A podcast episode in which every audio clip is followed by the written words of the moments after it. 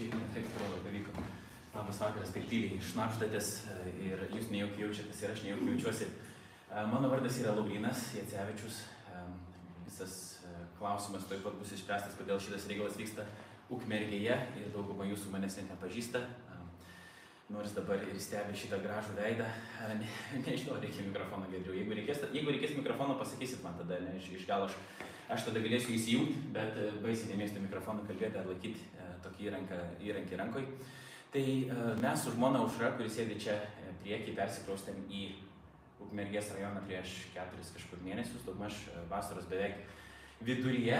Ir kadangi jau aš užsiminėjau tokią veiklą, kuri yra skirta pristatyti krikščioniškam tikėjimui ir jį pagrysti, dėl toks ir pavadinimas apologetika.lt. Apologetika yra tokia krikščioniškos teologijos šaka, kuri ne tik aiškina, kuo krikščionys tiki, bet ir kodėl tiki būtent taip, kaip tiki. Apologetikos šiandien nebus ypatingai tiek daug. Šitas seminarų ciklas, ciklas kaip skaityti Bibliją, yra skirtas daugiau tiem žmonėm, kurie daugiau ar mažiau domisi Biblija, ar bent jau norėtų pradėtis, e, pradėti ją domėtis. E, Didžiąją savo laiko dalį aš praleidžiu diskutuodamas e, tiek su nekrikščionimis, tiek su skirtingų konfesijų krikščionimis apie įvairius dalykus, kurie yra susijęs su krikščionybė. E, Tai per šitą seminarų ciklą tikriausiai bus mažiau tokių diskusijų, kiek daugiau diskusijų apie tai, kaip geriausiai iš tikrųjų mums reikėtų e, skaityti šitą įdomią knygą arba šitą knygų rinkinį. E, Medžiaga, kuria remsiuosi, yra kuriama Bible Project, tokio, tokios amerikiečių kompanijos, kurie daugiausiai ką daro, tai kuria animacinius vaizdo įrašus, kurie bando paaiškinti Bibliją e, tiem žmonėm, kurie ir ją skaito, ir pirmą kartą su ją susiduria, bet e, tas žodis animacinis gali apgauti, šitie įrašai nėra skirti vaikams. Aišku, vaikai irgi gali žiūrėti, bet iš principo jų tikslas yra kaip padaryti taip, kad e, perteikti tai, kas yra Biblijoje ir tai, kaip reikėtų skaityti Bibliją, kiek įmanoma suprantamesnė ir primtinesnė forma, kadangi e, neretas, kuris paėmęs storą, mažiau storą knygą į savo rankas, nežino, ką su ja daryti, kaip vartyti ją ir taip toliau. Vieni bijo jos ir galvoja, kad čia yra skirta tik galbūt dvasininkams skaityti, kiti skaito kiekvieną dieną ir ją dažnai naudoja kaip kalaviją kitiems nugesinti, dar kiti mano ratas yra tokių žmonių, sako, kad čia yra pasakų rinkinys, pasakų tai blogąją to žodžio prasme, kad ten viskas yra nesąmonė ir iš principo man net nėra ko ten žiūrėti. Pabandysiu pirmiausia truputį tuos mitus pažiūrėti pačioj pradžioj, o po to jau eisim prie mūsų medžiagos. Tai apologetika.lt, jeigu bus įdomu, galite užsukti į, šitą svetainę, sužinosiu daugiau apie tai, ką aš ten bandau daryti dabar, kodėl jums reikėtų šito jauno žmogaus su keista barzda klausyti. Tai negaliu sakyti, kad būtinai čia manęs reikia klausyti, ar kad aš esu kažkoks ypatingas labai žmogus ir daug labai suprantu, bet tiesiog jau taip atsitiko, kad domiuosi krikščionišką teologiją, domiuosi ir Bibliją, tuo pačiu domiuosi ir filosofiją. Esu baigęs a, magistro studijas Vilniaus universitete religijos studijos buvo mano studijų programa, dabar studijuoju filosofijos doktorantūrą, o mano darbo tema yra susijusi su krikščioniška apologetika. A, Labai senai, kažkada 2007 metais buvau įstojęs ir į vienintelį Lietuvoje krikščionišką universitetą, pavadinimu LCC Tarptautinis universitetas. Ir nors tuo metu nebuvau krikščionis, tokiu tapau 26 tiktais metų, man dabar yra 34, jau dabar 4. A, e, Tuo metu aš ten nusprendžiau pastudijuoti teologiją, kadangi toks pasirinkimas buvo, studijavau teologiją ir psichologiją. Dabar yra įdomu kartais, kai grįžtu atgal paskaityti, ką aš ten prirašinėjau iš šono, tiesiog žiūrėdamas į tą teologiją, bet pažymiai buvo neblogi, tai gal ir nieko, ne? Bet e, to tikėjimo tokio gyvo pas mane gyvenime e, tada e, tikrai nebuvo, krepšinis buvo tai, kuo aš gyvenau, taip aš atsidūriau Vilniuje, galiausiai e, gavau traumą ir ta trauma e, privertė mane permastyti savo gyvenimą ir taip aš pradėjau ieškoti tokių um, dalykų, kurie būtų susijęs su pasaulyje žiūros kažkokiu aiškinimu, supratimu, kas, kaip ir kodėl, um, gyvenimo prasmės klausimai ir taip toliau. Ir labai trumpai, nežinau, kiek jums yra įdomi mano asmeninė istorija, bet bent jau suprasit, su kuo čia turit reikalą. Čia yra angliška Biblija, konkrečiai New International Version vertimas, tai naujas tarptautinis, nau- nauja tarptautinė versija. E, Čia yra pirma Biblija, kurią aš gavau. Man buvo 16 metų, aš buvau krepšinio stovyklai Klaipėdai. Tam pačiam universitete. E, Tas universitetas pasikvietė amerikiečių trenerių, kurie ten atvyko ir jie mokė mus krepšinio paslapčių. Nors mes kaip lietuviai tai galim jų pamokyti, jie nelabai ką žino. Bet mokėmės iš jų tų krepšinio paslapčių, man po 15-16 metų aš tiksliai neatsimenu, bet kadangi universitetas yra krikščioniškas, amerikietiškas, tai anglakalbis, um, buvo tokių žmonių, kurie buvo ir dėstytojai, kurie buvo krikščionys ir kažkaip jie ten malėsi ir toj stovyklų jų aš sutikdavau. Ir e, viena tokia moteris man sakė, kad jeigu tu nori, Laurinai, aš tau galiu padovanoti Bibliją. Aš niekada nebuvau turėjęs savo Biblijos.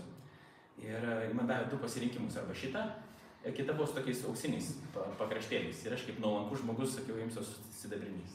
Neėmiau tos auksiniais, bet norėjau. Sako, bet aš tau duosiu su viena sąlyga, jeigu skaitysi. E, Sakau, jo, skaitysiu, viskas labai gerai.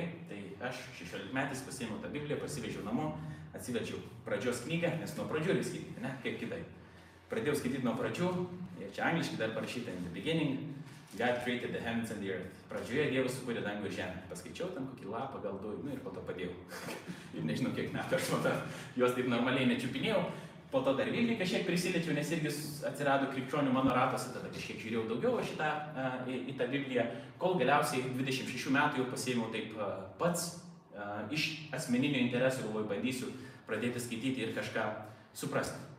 Dabar reikalas yra toks, kad aš Bibliją skaitau nuo to mano tapimo krikščionimi, nuo 26 metų, man tada 34, kiek čia dabar išeina, 8 metai kažkur, ne, skaitau praktiškai kiekvieną dieną, esu perskaitęs Bibliją kelis kartus, Naują testamentą daugiau kartų negu Senąjį testamentą, dar jeigu tie žodžiai jums atrodo kaip keiksmažodžiai arba nesuprantami, tai kažkiek pasiaiškinsim, kaip čia kas yra, tai tam tikras Biblijos knygas esu perskaitęs ir kelis ir keliolika kartų, visą Bibliją tik bent jau kelis kartus. Bet reikalas yra toks, kad mm, šita literatūra yra tokia, kad tu ją vieną kartą perskaitai, antrą kartą, trečią kartą perskaitai, tai nereiškia, kad tu paimsi ir išsemsi. Biblija nėra tokia literatūra, kur tu perskaitai, padedi į šoną ir viskas, ir užmiršti ją. Ir mes paaiškinsime, kodėl taip yra. Bet labai trumpai apie tą Bible Project. Čia matote tokius du virgus, dviejų virkų galvas, čia yra Timas Mekiai, kairiai pusiai, jis yra mm, biblistas, mokslo daktaras, jis yra tas teologinis protas už viso šito projekto, kurie kuria tą Bible Project medžiagą. O šalia yra Jonas Collinsas, kuris yra dizaineris, dirba su vaizdu įvairiu ir jiems prieš netoli 10 metų kažkur atgal kilo tokia mintis, kad būtų gerai kažką tokio padaryti. Jie susipažino universitete, abiem Biblija buvo aktuali ir jie sako, kaip dabar būtų galima padaryti ją aktualesnę ir kitiems žmonėms arba padėti ją gilintis tiems, kurie jau ją skaito. Iš to atsirado Bible Project. Galiausiai jisai atėjo į Lietuvą. Čia matot Bible Project YouTube kanalą ir jeigu norit, galite ten užsukti, Bible Project lietuvių kalba. Ir aš kažkaip taip atsitiko, atsidūriau šito projekto sukūryje, tai yra vertime ir lokalizavime jo į lietuvių kalbą. Aš prie jo dirbu kaip lietuvių kalbos patarėjas, tai mano darbas yra būti paskutiniu filtru, kai yra daromos animacijos, kai yra daromi vertimai, kai yra daromi įgarsinimai, tiesiog tikrinti, ar tai atitinka tai, ką Bible Project nori padaryti ir tai yra, ar tai yra suprantama lietuviams. Ir prie šitų filmų mes ir dirbam su kelių žmonių komanda ir mes dabar jais ir pradėsim remtis šitoj serijai. Iš viso, kaip skaityti Bibliją filmukų serijai, tų serijų yra daugiau Bible Project padarytų, yra ir apie atskiras biblinės knygas, ir apie atskirus Biblijos žodžius, ir apie atskiras Biblijos temas, pavyzdžiui, dvasinės būtybės, kas yra tie šetonas, demonai ir visi kiti tokie baisus dalykai ir ne tik baisus. Um, ir viena iš tų serijų, kaip minėjau, yra kaip skaityti Bibliją ir jinai iškart patraukė mano dėmesį, kadangi uh, nesvarbu, iš kur žmogus ateina, ar jis yra krikščionis ar nekrikščionis, jis turi vienokį ir kitokį supratimą, kas yra Biblija. Neretas, kuris yra kažkiek jau skaitęs arba nebūtinai pats skaitęs, bet ir ją girdėjęs skaitant kitus žmonės. Pavyzdžiui, vestuvėse labai yra mėgstama skaityti vieną ištrauką iš vieno iš laiškų, kurie randami Naujajame testamente. 1 Korintiečiam 13 skyrių. Ten yra tokia odė meilė. Kad meilė yra tas, meilė yra anas. Ir a, dažnai žmonės per pirmienas vestuvės a, viena mergina šalia mūsų sėdėjo prie stalo ir jinai paskaitė kaip tosta šitą odę meiliai iš pirmo laiško korintiečiams, a, tiems jaunavedžiams. Ir kai jinai atsisėdus, kur tu žinai, iš kur ta šitą yra ištrauka. Sako, ne, radau internete, man labai gražiai pasirodė. Tai neretas, kuris iš mūsų yra girdėję tam tikrus tam tikras ištraukas arba konceptus iš Biblijos, pavyzdžiui, atpirkimo ožys ateina iš Senojo testamento ir tam tikri tokie dalykai, kurie yra įprasti mūsų kultūroje, gerasis samarietis ir taip toliau, jie yra randami Biblijoje. Ir be Biblijos iš tikrųjų yra neįmanoma suprasti mūsų vakarietiškos kultūros, jeigu mes drįstumėm vadinti Lietuvą vakarų valstybę, jeigu mes nežinom Biblijos, kas ten yra parašyta, bent truputį, tai mes negalim suprasti ir savęs pačių. Tokia jau yra realybė. Tai aš pradėjau nuo to sakydamas, kad žmonės skirtingai vertina Bibliją, tai krikščionys ją vertina kaip autoritetingą Dievo žodį, irgi kalbėsim apie tai, kodėl krikščionys taip galvoja. Kiti, kaip minėjau, kaip pasakų knygą, kažkurie kiti kaip kažkokių senovinių dokumentų rinkinį, ar, ar vieną knygą, ar dar kažką tokio visiškai neaiškus ir atgyvenusią, galbūt ir niekam čia yra nereikalinga, bet reikalas yra toks, kad a, dabar jau truputį užbėgau savo e, už akių, bet tikriausiai reikia tą e, pasakyti ir padaryti, kad Biblija vis dėlto yra iki šiandien populiariausia pasaulyje knyga, jos yra įspausdinta daugiausiai ir padalinta daugiausiai. Jeigu taip yra, tai tai yra dėl kažko. Tai kad ir kaip mes žiūrėtumėm į Bibliją, mes negalim pabėgti nuo tos realybės, kad jinai yra padariusi didelę įtaką tiek vakarų ir netgi rytų civilizacijai. Ir dabar, kadangi turim tokią jau literatūrą, ir kai aš sakau žod, tą žodį literatūrą, aš sakau tai ne be reikalo, ne šiaip savo, nes mes per šitą seriją bandysim žiūrėti į Bibliją kaip į literatūrą. Nes galime į Bibliją žiūrėti skirtingais pjūviais, bet Biblija taip pat yra ir literatūros kūrinys. Ten yra daug knygų, po trumpo filmuko aš kažkodėl skaidrės netaip sudėjau, dėl to žiūrėsim pirmą filmuką, po to aš dar aiškinsiu. Um, bet kaip minėjau, galima žiūrėti ją skirtingais pjūviais, bet jinai taip pat yra literatūra, daug yra knygų po šito vienu viršeliu, jos yra skirtingų žanrų ir dėl to reikalinga tam tikra prieitis, kad mes galėtumėm iš vis suprasti, su kuo mes turim reikalą. Ne? Ir ne visada yra sąžininga tiek tam, kuris kritikuoja Bibliją, tiek tam, kuris ją vertina, tiesiog pasimti, perskaityti dvi eilutes ir išsakyti labai greitai savo nuomonę. Nereikia, mes tam tikros reikia prieities.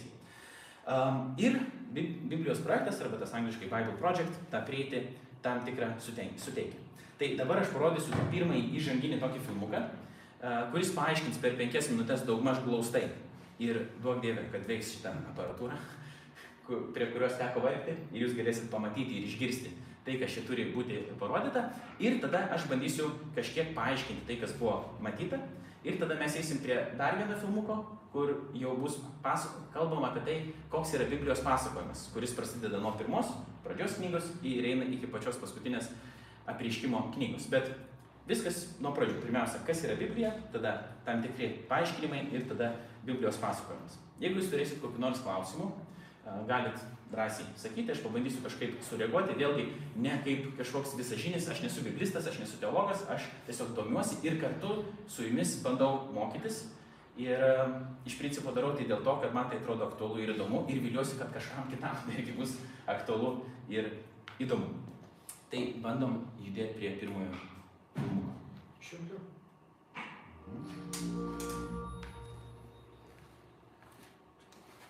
Biblija - viena įtakingiausių knygų žmonijos istorijoje. Ji nagrinėja didžiuosius egzistencinius gyvenimo klausimus. Ji įkvėpė daugybę žmonių atlikti nuostabius darbus. Ir ne vienam sujaukė mintis. Tikriausiai jūs patys kur nors ją turite. O kas iš tikrųjų yra Biblija? Na, Biblija yra nedidelė knygų biblioteka, kilusi iš senovės Izraelio tautos istorijos. Viena vertus, ši tauta buvo kaip ir kitos senovės civilizacijos, tačiau joje iš kartos į kartą gyveno ir žmonės vadinami pranašais. Jų akimis Izraelio istorija tikrai nebuvo paprasta. Jie laikė ją esminį dalimi to, ką Dievas darė visai žmonijai. Bet o šie pranašai buvo literatūros genijai. Tikrai? Taip, jie išmaniai pritaikė hebrajų kalbą epiniams pasakojimams ir labai sudėtingai poezijai rašyti. Buvo metaforų ir pasakojimo meistrai. Visą tai jie panaudojo gvildendami sudėtingiausius klausimus apie mirtį, gyvenimą ir žmogaus sunkumus. Tad šią knygą rašė daug skirtingų autorių. Taip, bet o šie tekstai parašyti daugiau kaip per tūkstantmetį, pradedant nuo Izraelio šaknų Egipte ir tęsiant iki jų karalystės iškilimo su pirmąja šventykla. Tačiau galiausiai juos užkariavo babiloniečiai ir išsivarė į tremtį. Paskiau, lemiamų istorijos momentu, daug izraeliečių grįžo į savo žemę. Jie pastatė antrąją šventyklą ir atnaujino savo tapatybę. Šiandien mūsų skaitomi žydų raštai būtent tada pradėjo gauti tokią formą. Gerai, žydų Biblija. Kas jie yra? Na, hebrajiškai vadinama akronimu Tanak. Tai raidė reiškia Torą, kartais vadinama įstatymu. Tai penkiaknygiai pasakojimas apie Izraelio steigimą. N raidė simbolizuoja nevim. Hebrajišką žodį pranašai. Šią dalį sudaro istorinės knygos pasakojančios Izraelio istoriją iš pranašų perspektyvos. Toliau pačių pranašų poezijos knygos. Ką nurodo hebrajišką žodį ketuvim, reiškiantį raštai. Tai yra įvairiausių poezijos ir išminties knygų ir pasakojimų rinkinys. Žydai tiki, kad per visus šios literatūros veikalus Dievas kalba savo tautai.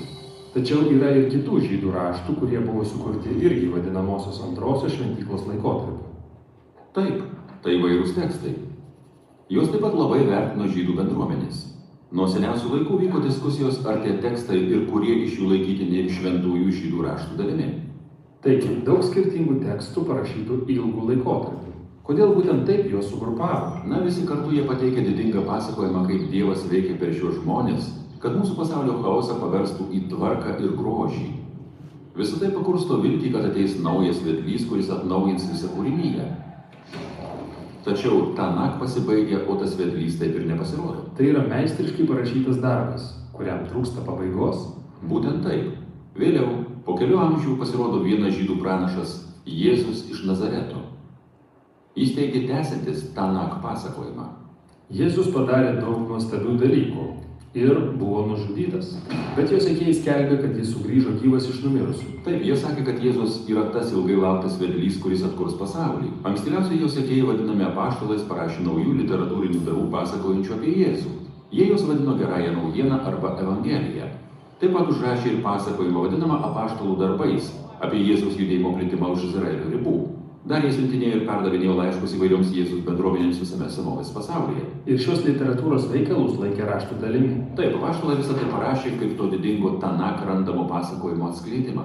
Be to, jie tęsė genialią literatūrinę žydų tradiciją. Jie taip pat tikėjo, kad per jų raštus kartu su Izraelio šventaisiais raštais Dievas kalba savo žmonėms. Taip, tai Senasis ir Naujasis testamentai. Tačiau kaip ankstyvieji krikščionys vertino kitus antrosios šventyklos laikotarpio raštus? Na, skirtingos grupės laikėsi skirtingų nuomonių apie kai kurias iš tų knygų, bet mes žinome, kad jie skaitė ir vertino tos tekstus, nes perdavė juos kitoms kartoms draugės su žydų raštais. Gerai, turime Tanak, šventuosius žydų raštus, taip pat antrosios šventyklos laikotarpio literatūrą ir apaštalų raštus apie Jėzų. Labai daug literatūros. Kas yra mano Biblijoje? Na, krikščionių judėjimas per 2000 metų įgavo skirtingas formas, bet nuo pat pradžių visi krikščionys pripažino Tanak ir Naująjį testamentą kaip šventąjį raštą. Be to, ilgą laiką daug antrosios šventyklos laikotarpio literatūros laikyta biblinės tradicijos dalimi. Galiausiai katalikų bažnyčia tai patvirtino oficialiai ir kai kurie šio rinkinio knygas pavadino deuterokanoninėmis arba antrojo kanono knygomis. Kai kurios ortodoksų bažnyčios priėmė dar daugiau knygų iš antrosios šventyklos laikotarpio literatūros, o 16 amžiuje reformacijos metu ir krikščionys protestantai norėjo sugrįžti prie tų pačių seniausių pranašų ir paštalų raštų, todėl pripažino tik senąjį ir naująjį testamentus. Gerai, manau, kad supratau. Bet kaip toks knygų rinkinys parašytas per tūkstantį metų daugelio skirtingų autorių gali pasakoti vieną darnį istoriją? Šį klausimą gvildensime jau kitame filmuke.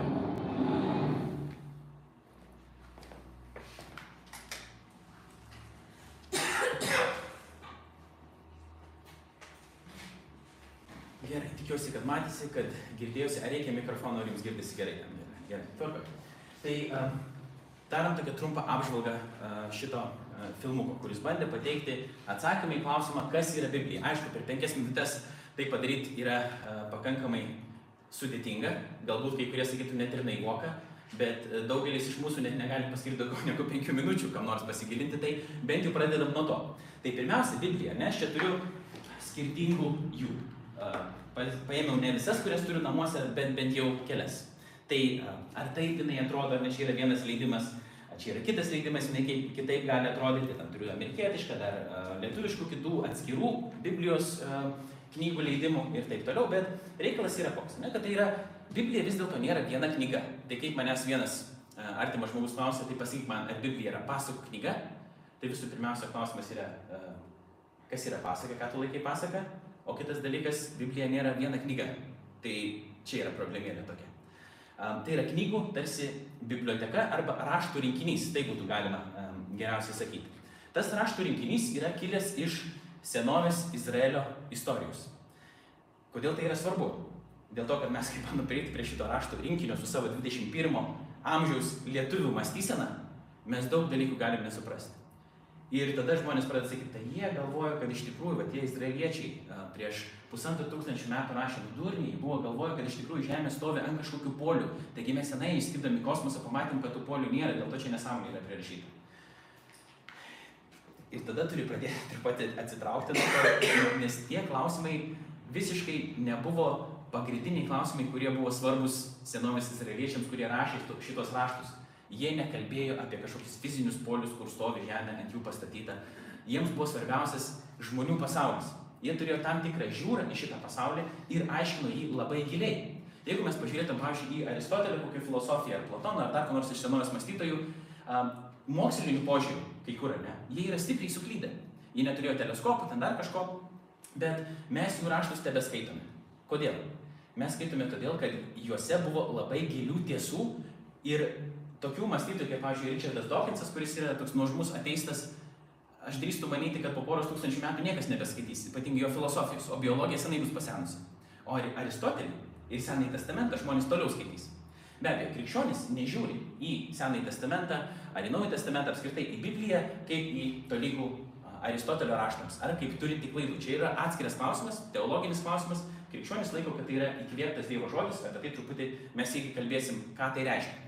Bet kokią aš čia bandau pasakyti mintį, kad mums reikia turėti tam tikrą prieigą prie šitų, šito raštų rinkinio, kad mes galėtum ją, jį suprasti. Ir dėl to netgi ir krikščionių ratuose vyksta tokių tarp konfesinių diskusijų, kai žmonės tiesiog pasiema tekstą, jį skaito ir sako, va šitaip yra parašyta, tai reiškia šitai, tu esi neteisus. Ir tada kitas sako, aš skaitau lygiai tą patį, čia yra parašyta visiškai priešingai negu tas sakai, aš esu teisus. Ir vienintelis būdas, kaip išspręsti šitą klausimą, yra iš tikrųjų bandyti suprasti, o gerai, o kągi autoriai rašė, ką jie norėjo pasakyti, kokio tipo tai yra literatūra ir ką jinai nori mums pasakyti. Tai yra tam tikri interpretaciniai principai reikalingi, kad mes galėtumėm ją suprasti. Tai knygų biblioteka, kilusi iš senovės Izraelio žmonių istorijos, rašyta hebrajiškai, kažkiek yra aramėjiškai, tai didžiąją dalimi Senasis testamentas mes prie to dar prieisim, kas sudaro Senąjį testamentą. Hebrajiškai, Naujasis testamentas beveik visas parašytas graikiškai su nedideliais aramėjiškais intarpais. Ne? Tai reiškia, yra tam tikri kalbos klausimai, kuriuos reikia spręsti, laikotarpio klausimai, kuriuos reikia spręsti, kultūriniai klausimai, kuriuos reikia spręsti. Visas tas raštų rinkinys susiformavo kažkur per pusantro tūkstančio metų, rašė daugiau negu 40 autorių, tiksliai suskaičiuoti, kiek jų parašyti yra, yra pakankamai sudėtinga. Pavyzdžiui, tradicinis požiūris yra, kad pirmas penkias Biblijos knygas parašė Mozė, bet reikalas yra toks, kad yra, pavyzdžiui, parašyta tam tikrų dalykų apie Mozę jau po jo mirties. Tai reiškia, kad kažkas prisidėjo prie tų raštų, Mozė negalėjo po savo mirties dar kažką parašyti. Ne? Tai reiškia, kad buvo papildomų autorių, kurie dirbo prie šitos literatūros. Ir taip mes galime atrasti tai ir pačioj Biblijoje tam tikrų dalykų. Ir dar ir archeologija padeda ir kiti, e, kiti mokslai. Tai Autorių yra bent 40 ir jie buvo iš skirtingiausių sluoksnių. Nuo žvėjų iki karalių. Biblijoje taip pat yra skirtingų žanrų. Didžiąją dalį sudaro pasakojimas arba naratyvas. Naratyvas yra tam tikro uh, tipo pasakojimas, taip pat yra nemažai poezijos ir tik nedaug yra to vadinamo diskursų arba tam tikros kalbos, argumentuotos, tokios logiškos kalbos.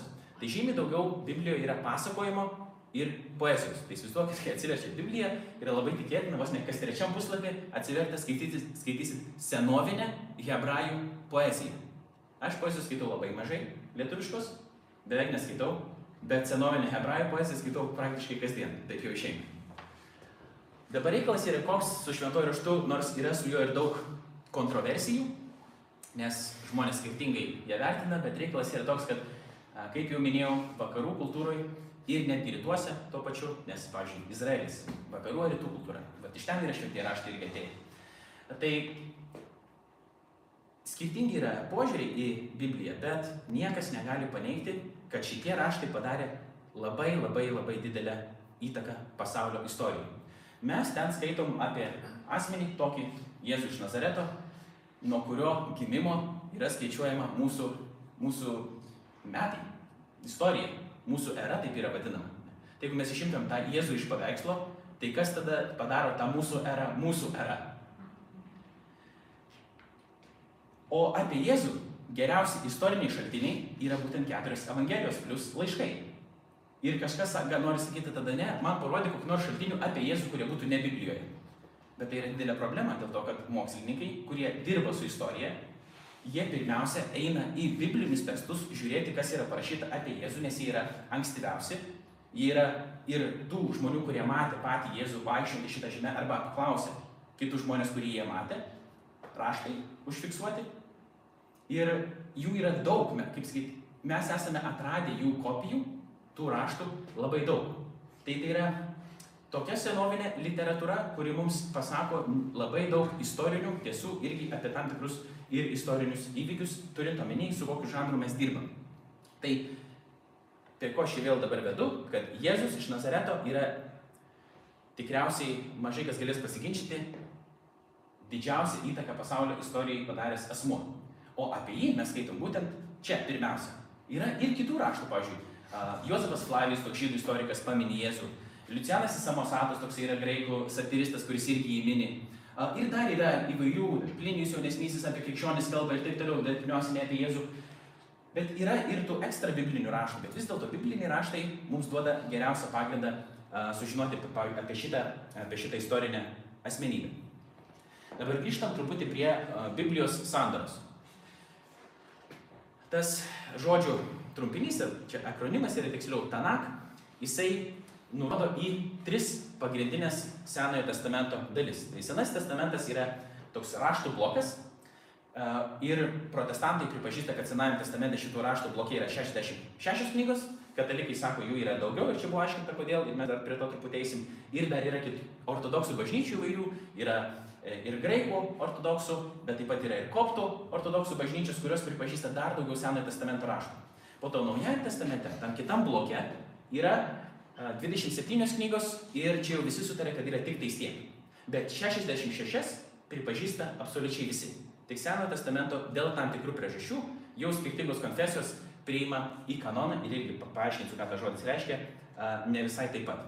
Tai Tanak, T žodis reiškia Tora arba įstatymas ir ten turim tokias knygas kaip pradžios, išėjimo, kunigų, skaičių ir pakartoto įstatymą.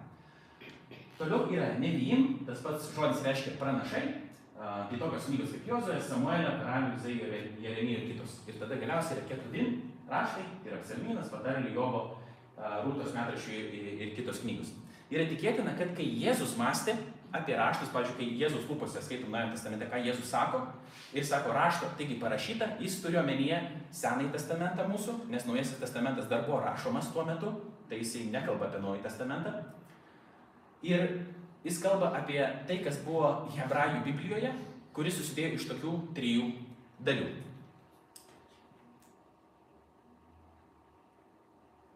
Čia yra parašyta angliškai, bet aš pasakysiu lietuviškai, tiesiog e, labai jau reikėjo daug vargti, kad atrodytų vizualiai gražiai ir kad galėčiau lietuviškai parašyti, tai tiesiog paėmiau iš Bible Project e, medžiagas.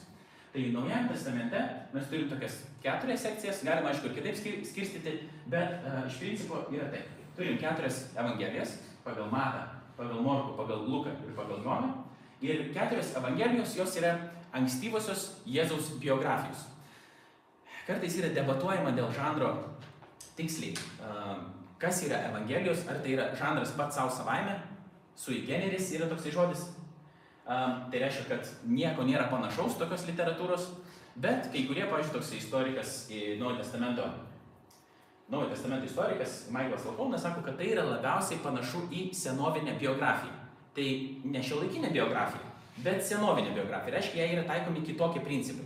Ir jisai lygino tai su uh, romėnų biografija įvairiom. Tai šitos keturios evangelijos pateikia skirtingus kampus, požiūrio kampus iš skirtingų pusių į tą patį asmenį ir į tos pačius įvykius. Ir iš tikrųjų, netgi kai ankstyvėjai krikščionys e, kalbėjo apie Evangeliją, jie kalbėjo daugiausiai vienaskaitą apie gerąją naujieną apie Jėzų Kristų, bet jinai susidėjo iš keturių dalių, jeigu kalbant apie knygas, tokia keturguba Evangelija.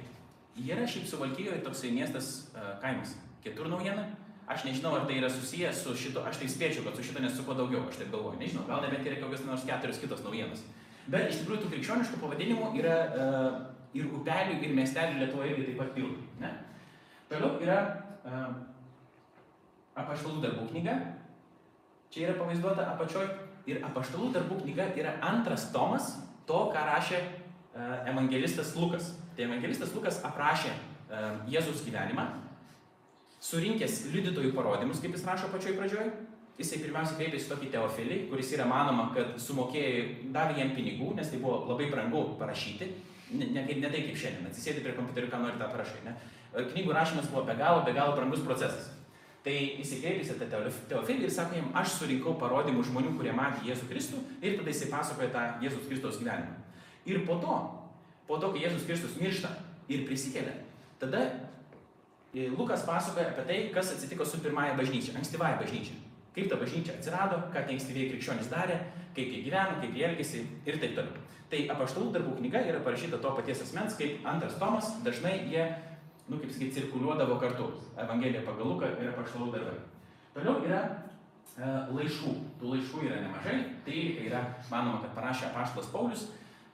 Aišku, mokslininkai, visokie biblistai nebūtų biblistai, jeigu jie nediskutuotų nuolat, kas čia ką parašė, bet čia yra labai komplikuotas uh, uh, toks laukas ir ten yra tiek daug visokių niuansų, kodėl ir kas kaip tiksliai galvoja, bet uh, iš principo nepaprastumo dėliai ir šiaip krikščionys jau laikydamėsi krikščioniškos tradicijos, ne, jie, mes pripažįstame, kad Paulius parašė 13 laiškų. Toliau Petras parašė du laiškus, Jonas parašė tris laiškus, Jokūbas vieną, Judas vieną ir yra laiškas Hebrajams, kuris yra uh, vienas iš paskutinių laiškų Naujam testamente, niekas tiksliai nežino, kas jį parašė. Ir uh, netgi kažkuris iš ankstyvųjų krikščionių bažnyčios tėvų, neatsimenu kuris, ar Augustinas, ar kas, bijau dabar suklysti, sakė, vienas Dievas žino, kas jį parašė. Bet jis uh, atsirado šventojo rašto kanone. Reiškia, jis turėjo tam tikrą autoritetą. Kai kurie galvoja, kad Paulius parašė, kai kurie, kad Apolas toks buvo trumpa, toks yra trumpas interpas apaštalų darbuose, neklystu apie Apolą, bet nėra taip svarbu, bet jis yra kanone. Ir paskutinė knyga yra apreiškimo Jonai knyga, kuri sprogdina saugiklius absoliučiai visiems ir niekas nežino tiksliai, ką su jie daryti. Kai kurie žino, bet irgi apreiškimo knyga, kuri yra apokaliptinė literatūra. Ten yra daug visko. Ir jūrų babaisų, nesu pabaisų, reikia sakyti, aš kaip iš mažai, bet atleiskime. Tai uh, jūrų tų pabaisų visokių, ne, angelų skraidančių, uh, kibirų visokių, nu, ko tik tais nori tenais yra. Um, jeigu pamanytų nupaišyti, tai ten surrealistinis toks paveikslas gautas. Bet reikalas yra toks, kad tai yra tam tikro žanro irgi knyga, apokaliptinė literatūra. Ir kai yra kalbama apie drakoną pakylantį iš jūros, tai neturima omenyje, kad mes dabar nuvažiuosim į Klaipėdą ir pamatysim drakoną pakylantį iš jūros. Tai yra tam tikra nu, simbolių prisodrinta kalba, kuri kažką reiškia ir reiškia teisingus ir tikrus dalykus, bet ją reikia mokėti skaityti. O tam, kad mes mokėtume ją skaityti, mums reikia kažkaip savo galvą įvesti į pirmo amžiaus uh, žydų uh, mąstymą. Dabar um, dar trumpai apie tarp konfesinius kanono skirtumus. Tai Senasis testamentas vadinama Hebrajų, Hebrajų Biblija, mes vadinam ją retrospektyviai žiūrėdami atgal Senuoju testamentu. Tada katalikai pirmu, pirmąjį pamėgę pavaizduoti. Taip pat priimate Naują testamentą 27 knygas, bet yra kanonizavę, tai reiškia kanonas tai yra žodis nusakantis standartą arba pagal tai, kas yra matuojama. Tai reiškia pripažįsta, kad tai yra Dievo įkvėpti raštai irgi. Tai yra kanonizuota lyg tai septynios, jeigu aš gerai dabar atsimenu, Senojo testamento knygos, plus dar papildomų skyrių iš tų, kurios yra šiaip randamos Senajame testamente. Um, Tada ortodoksų įvairios bažnyčios dar daugiau tų raštų yra kanonizavusios iš Senojo testamento, o protestantai bandė, kaip sakyti, viską, kiek įmanoma, atšvarinti, kaip sakyti, toks šūkis buvo atfontės prie šaltinių grįžti, kiek įmanoma, tiksliai ką mes žinome, kas buvo priimta, tai tik to ir laikytis. Bet reikalas yra dabar koks, dėl tų antrosios šventyklos raštų, kad jie buvo skaitomi beveik senolis Izraeliai tikrai buvo skaityti. Ir ankstyviai krikščionys juos skaitė, tos raštus. Klausimas buvo tik tai, ar jie yra vertingi ir geri, ar jie yra tokie, kurie turi dieviškai autoritetą irgi. Ir tada jau krikščionys skirtingos, skirtingos bendruomenės šiek tiek skirtingai atsakė į šitos klausimus. Bet, pavyzdžiui, pas mane, ne, šitoj, mm, šitam Biblijos, Lietuvos Biblijos draugijos leidinė, yra tos antrojo kanono knygos. Ir um, kituose leidimuose, pavyzdžiui, gali nebūti bet jos egzistuoja ir jos visą laiką buvo skaitomos. Tai klausimas yra, kokį statusą bendruomenės joms suteikė. Bet jos nebuvo niekad niekinamos, kad čia yra kažkas nu, ypatingai su jomis blogai. Bet klausimas yra, ar jos, nu toks yra mandras teologinis žodis, yra įkvėptos Dievo ir ir kokį tiksliai autoritetą jis turi. Ar jos yra tik geros, ar iš tikrųjų jos yra autoritetingos absoliučiai krikščionio uh, gyvenime. Čia šiaip norėsit, čia labai mažom raidėm, nematysit, tikriausiai rašinėsiu, labai daug nebandysiu pasakoti.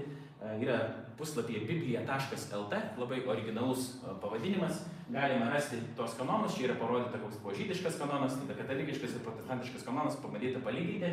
Ir pasakyti, kaip yra daugmaž, e, kaip yra daugmaž dėliojama, kokios yra istorinės knygos laikomos, kokios yra pranašų ir taip toliau. Nes žydų šventieji raštai, jie nebuvo sudėlioti lygiai tokia pačia tvarka, kaip mes dabar turim šio laikinėse Biblijose, pas mus.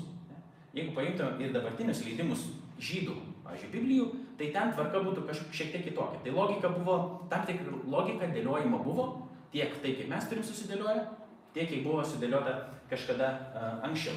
Bet čia nėra nei klaida, nei neklaida, tiesiog uh, žmonės tam tikrą logiką remdamėsi, tos raštus pabandė sudėlioti į tam tikrą, į, į tam tikrą seką. Tai čia yra palyginti. Dabar Biblijos kanonas, tas toksai baisus uh, baisus žodis. Kas, iš kur tiksliau tariant, mes turim tai, ką mes turim po šito vienu viršeliu. Kodėl šitas knygas, o ne kažkokias kitas. Kaip minėjau, kanonas yra standartas arba pagal tai, kas yra matuojama, o krikščionis dar laiko tai šitos raštus ir šventaisiais raštais. Kodėl šventaisiais? Kad jie, nu, Dievas yra vienas šventas. Ne? Ir tai reiškia, kad, o šventas reiškia atskirtas. Tai šitie raštai yra kažkas daugiau negu vien žmogiškiai raštai. Dabar kaip tai reikia suprasti, mes galėsim kažkiek apie tai kalbėti ir, ir, ir, ir gilintis, bet kol kas užteks tikriausiai pasakyti tiek, kad jie turi tam tikrą tokį autoritetą ir krikščionys pripažįsta, kad iš tikrųjų per šitos raštus ir žydai pripažįsta, bet kalbant apie Senąjį testamentą, Dievas kalba savo žmonėms. Bet kai mes kalbam apie tas kanoninės knygas, nėra teisinga suprasti, kad Dievas kažkokiu būdu paėmė kažkokiam žmogui ar žmonių grupiai, į jausį padiktavo, ką reikia tiksliai parašyti ir tie žmonės kaip robotai tiesiog paėmė ir rašė.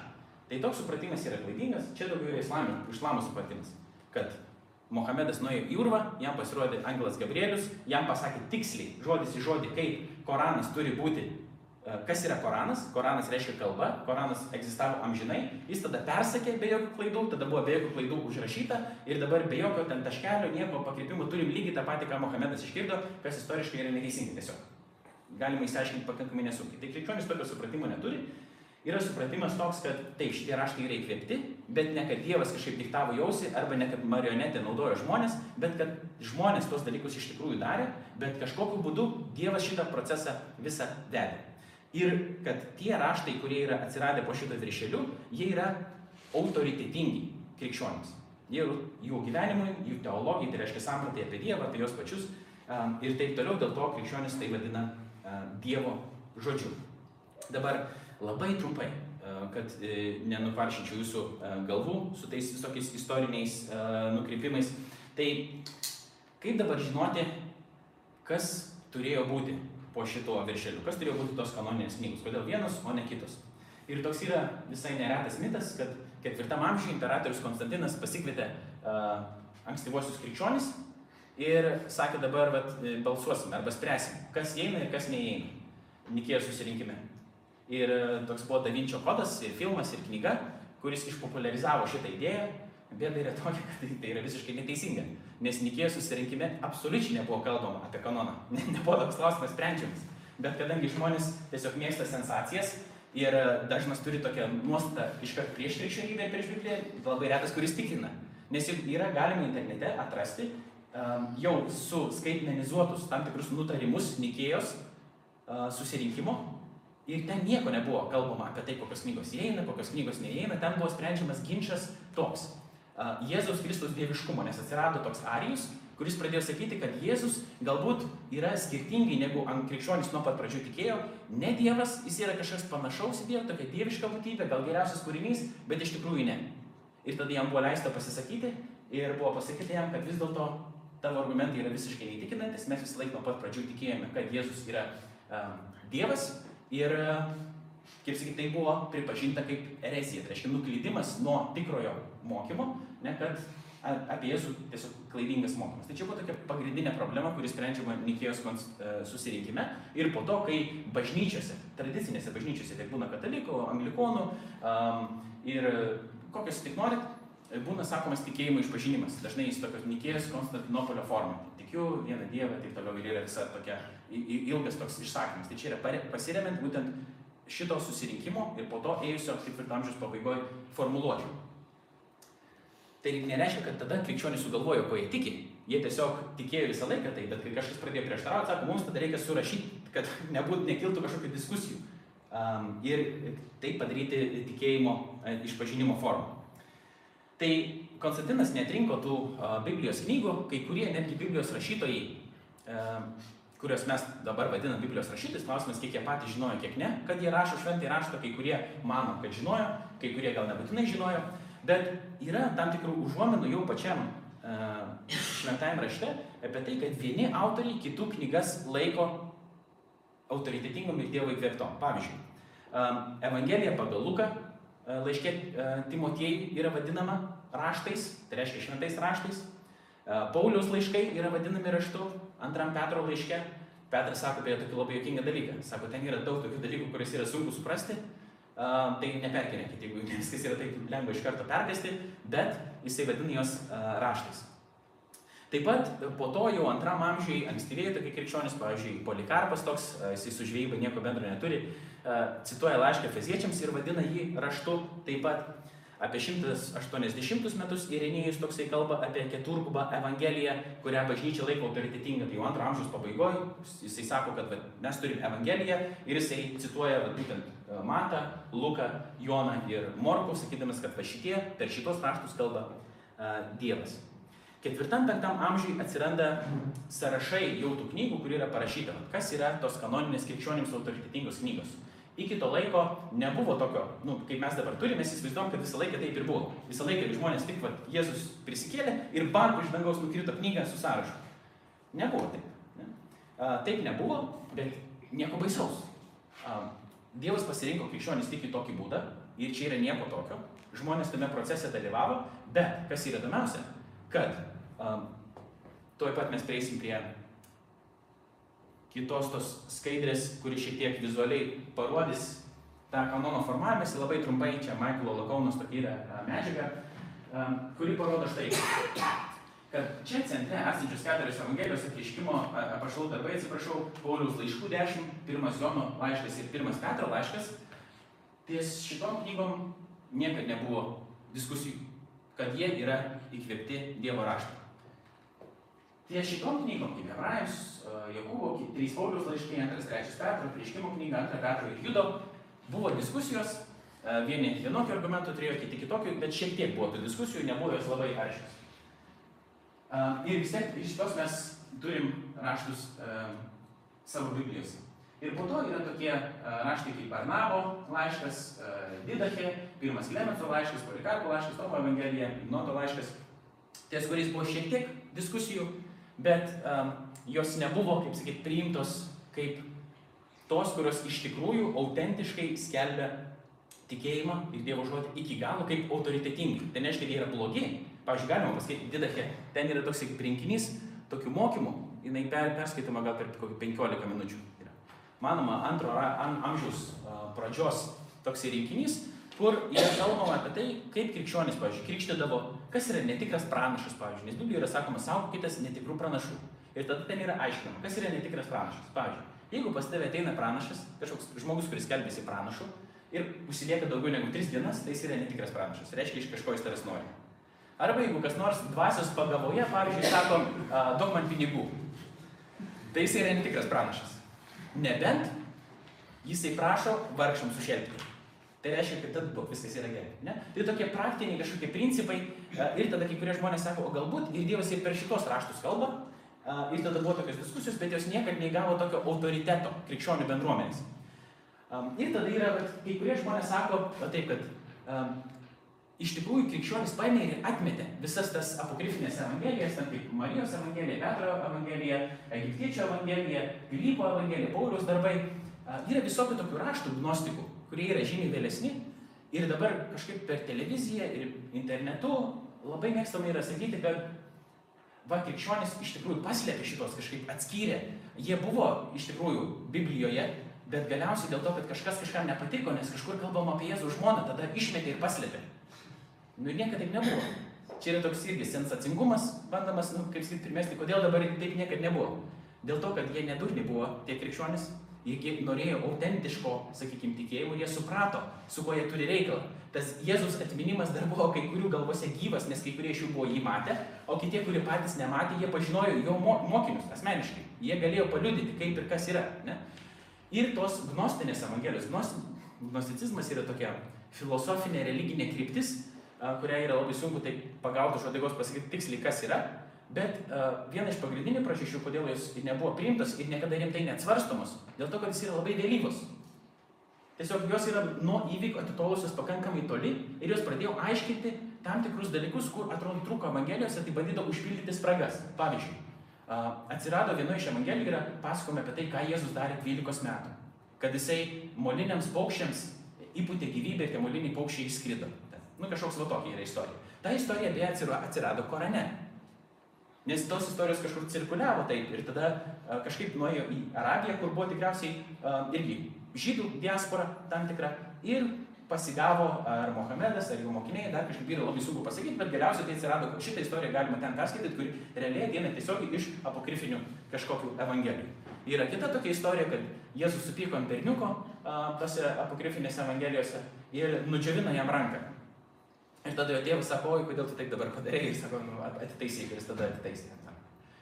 E, ir kodėl dabar, ne tik todėl, kad tos istorijos yra labai tolimos nuo Jėzus, vienas dalykas, ne, ir tada mes galvotum, kad kažkas yra jau ne to, nes jos yra tolimos nuo įvykių, bet dėl to, kad jos netitinka praktiškai nieko, koks yra Jėzus ankstyviausios šaltiniuose. Ir mes, kai lyginam tos ankstyviausius šaltinius, mes matom Jėzus paveikslą, o čia mes matom, ir tai mes vadinam ortodoksiją. Tai reiškia tas toks istorinis tikras tikėjimas. Ne, ne konfesinių požiūrių, bet yra toks žodis. Ir tada yra heterodoksija, kuri nuo to tikėjimo atitolsta, nukrypsta. Tai tie, tai, kas yra parašyta tose apokrifinėse evangelijose, dažnai yra pakankamai tokie laukiniai dalykai. Ten kryžius kalba, pavyzdžiui, ir jeigu mes kaip, nu, pavyzdžiui, per prisikėlimą, man atrodo, Tomo evangelijai. Uh, tai evangelijose, kai mes skaitom, va, tose kanoninėse, Tai mes tokių visokių pridėjimų teologinių, tokių kosmonautiškų mes neskaitom. Ten net angelas kažkoks vyras, tiesiog vyras pasirodo, ne? O ten jau po to yra tokių visokių, pa, kaip sakyt, žaisliukų pakabinta, kurie kai kurios žmonės ir sudomino. Paskutinis dalykas apie kanoną, kalbant labai trumpai, nors čia nėra šitų paskaitų tema, tai yra kokie yra kriterijai, kaip buvo tos knygos atrinktos. Tai labai trumpai, pagal Michael Koną išdėliojimą. Tai pirmiausia, kalbant apie Naujo testamento knygas, tai tos, ta knyga turėjo būti parašyta arba apaštalo, tai reiškia to žmogaus, kuris matė Jėzų prisikėlusi, arba jo bendradarbė. Kitas dalykas turėjo būti ortodoksinis mokymas, tai reiškia, kad jisai turėjo būti nenuklydęs nuo to, kokia atmintis apie Jėzų ir apie jo mokymą buvo ankstyviausių krikščionių galvose. Toliau tai buvo, turėjo būti aktualu bendruomenėms. Tai reiškia, kad tie raštai turėjo būti paplitę per ankstyviausias krikščionių bendruomenės. Jiems turėjo būti nu, sakyt, įdomus, gyvenimą keičiantis, ne tik įdomus, bet jie nešė kažkokį svorį. Ir vienos, vieni raštai atrado, um, ne, ne tik, kad savo skaityti dabar pasakyti, bet tie krikščionys matė, kad tose raštuose kažkas yra, tokio giliau, daugiau ir jais būtent ir dalinosi ir jos ypatingai saugojo. O kitos nebuvo tokios populiarios, kažkodėl, kiti tie raštai nebuvo tokie populiarius. Ir galiausiai tie raštai paplito labai plačiai ir uh, išsilaikė ilgą laiką, iš, išlaikė, kaip sakyti, uh, tą laiko testą. Ir kai kurie krikščionys buvo netgi žudomi Romos imperijoje už tai, kad jie turėdavo krikščionių raštą. Tai dabar klausimas gali būti toks. Uh, kiek žmogus turi būti įsitikinęs, ne, kad tai yra svarbus tie raštai, kad jisai būtų pasirengęs už juos žūti. Tai mes kažkaip va, žiūrėdami iš to 21 amžiaus perspektyvos gyvendami Lietuvoje, ne taip saugiai, paprastai mes galvom, a, čia va, kažkaip žmogeliai, čia mėtėsi tom knygom į kairę, į dešinę, čia tik nesusigaudė, ką čia darė, vieni įdėjo, kiti neįdėjo, kažkas keitė, kiti nekeitė. Ne taip visai viskas vyko. Žymiai komplikuotesnis procesas, žymiai žmonės labiau įsipareigoję jam buvo, labai tai darė, kaip sakyti, tiksliai, tai kainavo labai daug tiek laiko, tiek pinigų, tiek kai kuriems ir gyvybės kainuodavo, tai jie buvo pasišventę tos raštus išsaugoti. Dėl to mes juos šiandien ir turim, dėl to, kad jie buvo tokie svarbus. Jie ne, nebereikalo išliko iki mūsų dienų. Dabar labai trumpai apie tai, kodėl šventasis raštas, o, o ne tik tais Biblija. Nes Biblija reiškia tiesiog daug knygų Biblija. Pats tas žodis tą reiškia. Bet šventasis raštas krikščionėms yra daugiau negu tik Biblija, knygų rinkinys, bet jis yra Dievo žodis kalbantis mums. Tai Ingrida Gudauskinė, biblija.lt tinklapyje, galite pasiskaityti, jos yra įžanga į apskritai biblinę literatūrą. Jis kalba apie Bibliją kaip šventąjį raštą taip. Jeigu mes artinamės prie Biblijos tikėjimo požiūrių, tai čia pasakojama istorija mums niekada nebus vakarykščia, arba anot vieno iškilaus Dievo žodžių ieškotojo Biblija, pasakodama apie tai, kas buvo, visada mums pasakos apie tai, kas yra. Kitaip tariant, čia saugojamas Dievo pokalbis su žmogumi istorijoje atminimas bus aktualus bet, bet kuriuo istoriniu laikmečio žmogui tiek, kiek šis atranda save esant išganimų istorijos dalyvių ir todėl dialogo su Dievu dalyvių. Taigi Biblijos pasakojimuose užrašytos istorijos baigėsi, tačiau per jas ir toliau istorijos tekmėje vyksta Dievo pokalbis su žmonė. Tai tokiu krikščioniško tikėjimo požiūriu jau, ne tik kaip į literatūrą žiūrint į Bibliją. Tai Biblija yra šventasis raštas arba Dievo žodis. Kodėl ne Dievo žodžiai, nes šitų žodžių yra daug, dėl to, kad jis kalba apie įsikūnijusį Dievo žodį Jėzų Kristų, kuris yra vadinamas graikiškai logos, pavyzdžiui, Evangelijoje pagal Joną. Ir tai yra tas, tas kuris visą sukūrė pagal tą sampratą. Tai Dievas kalba mums per šventąjį raštą. Tai yra Dievo kalba žmogui. Jis save apreiškia, apie save kalba. Ne paskirų tiesų rinkinys yra Biblija. Kaip mes, kai kurie galbūt galvotų, aš turiu klausimą kokį nors, ne? Bam, kaip, ką žinau, kaip sukasi planetos. Tada atsiversiu kažkokią eilutę ir tada Biblijoje rasiu parašyta. Arba kokias koinės man reikia pirkti šiandien. Arba kiek ten tiksliai turėčiau aš sumokėti pinigų mokesčius ir kiek reikėtų man nemokėti. Ir tada atsiverčiu Bibliją ir ten visi atsakymai man yra pateikti. Ne taip Biblija veikia. Jis nėra tiesiog kažkokių paskirų tiesų rinkinys. Pirmiausia, tai yra Dievo ir žmogaus istorija. Ir per šitos raštus Dievas kalba. Tokių, kaip sakyt, patarimų arba tokių tiesioginių tiesų, ką daryti ir ko nedaryti Biblijoje taip pat yra. Yra. Bet jinai nėra vien tai. Ir netgi mažiau tokių dalykų yra jinai yra žymiai tokia gilesnė literatūra, kuri įtraukia mus ir daro mus išmintingai žmonėmis, kad mums nereikėtų nuolat tiesiog klausti savęs, ar reikia mokėti mokesčius, ar nereikia mokėti ir kur Biblijoje tiksliai yra parašyta. Bet kad tu tos, tų istorijų, tų pasakymų taip perkeistas, tu galėtum atsisakyti šitą klausimą, atsiremdamas į tai, kas yra tose istorijose, remdamasis į pasiekmes, pažiūrėjau, kokie žmonės patyrė ir taip toliau ir panašiai.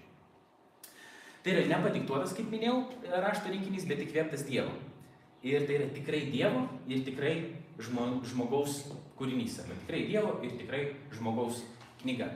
Dievas nepadarė iš tų žmonių robotų, bet jisai šitam procesui vadovavo ir krikščioniškų požiūrių čia yra visa tai, ko Dievas tiksliai norėjo. Klaidos čia nėra. Ir galiausiai tai yra, kaip Biblijos projektas mėgsta sakyti, tai yra vientisas pasakojimas, kuris veda prie Jėzaus. Trumpai apie e, vertimus. E, į lietuvių kalbą. Nes nežinau, kiek iš jūsų esate susidūrę su Biblijos istorija, kaip jinai atsidūrė iš vis pas mus, mūsų šalyje. Nes kažkaip tai turėjo atsidurti, ne, mes ją neskaitome hebrajiškai, jinai buvo išversta į lietuvių kalbą, kažkada šitas procesas prasidėjo.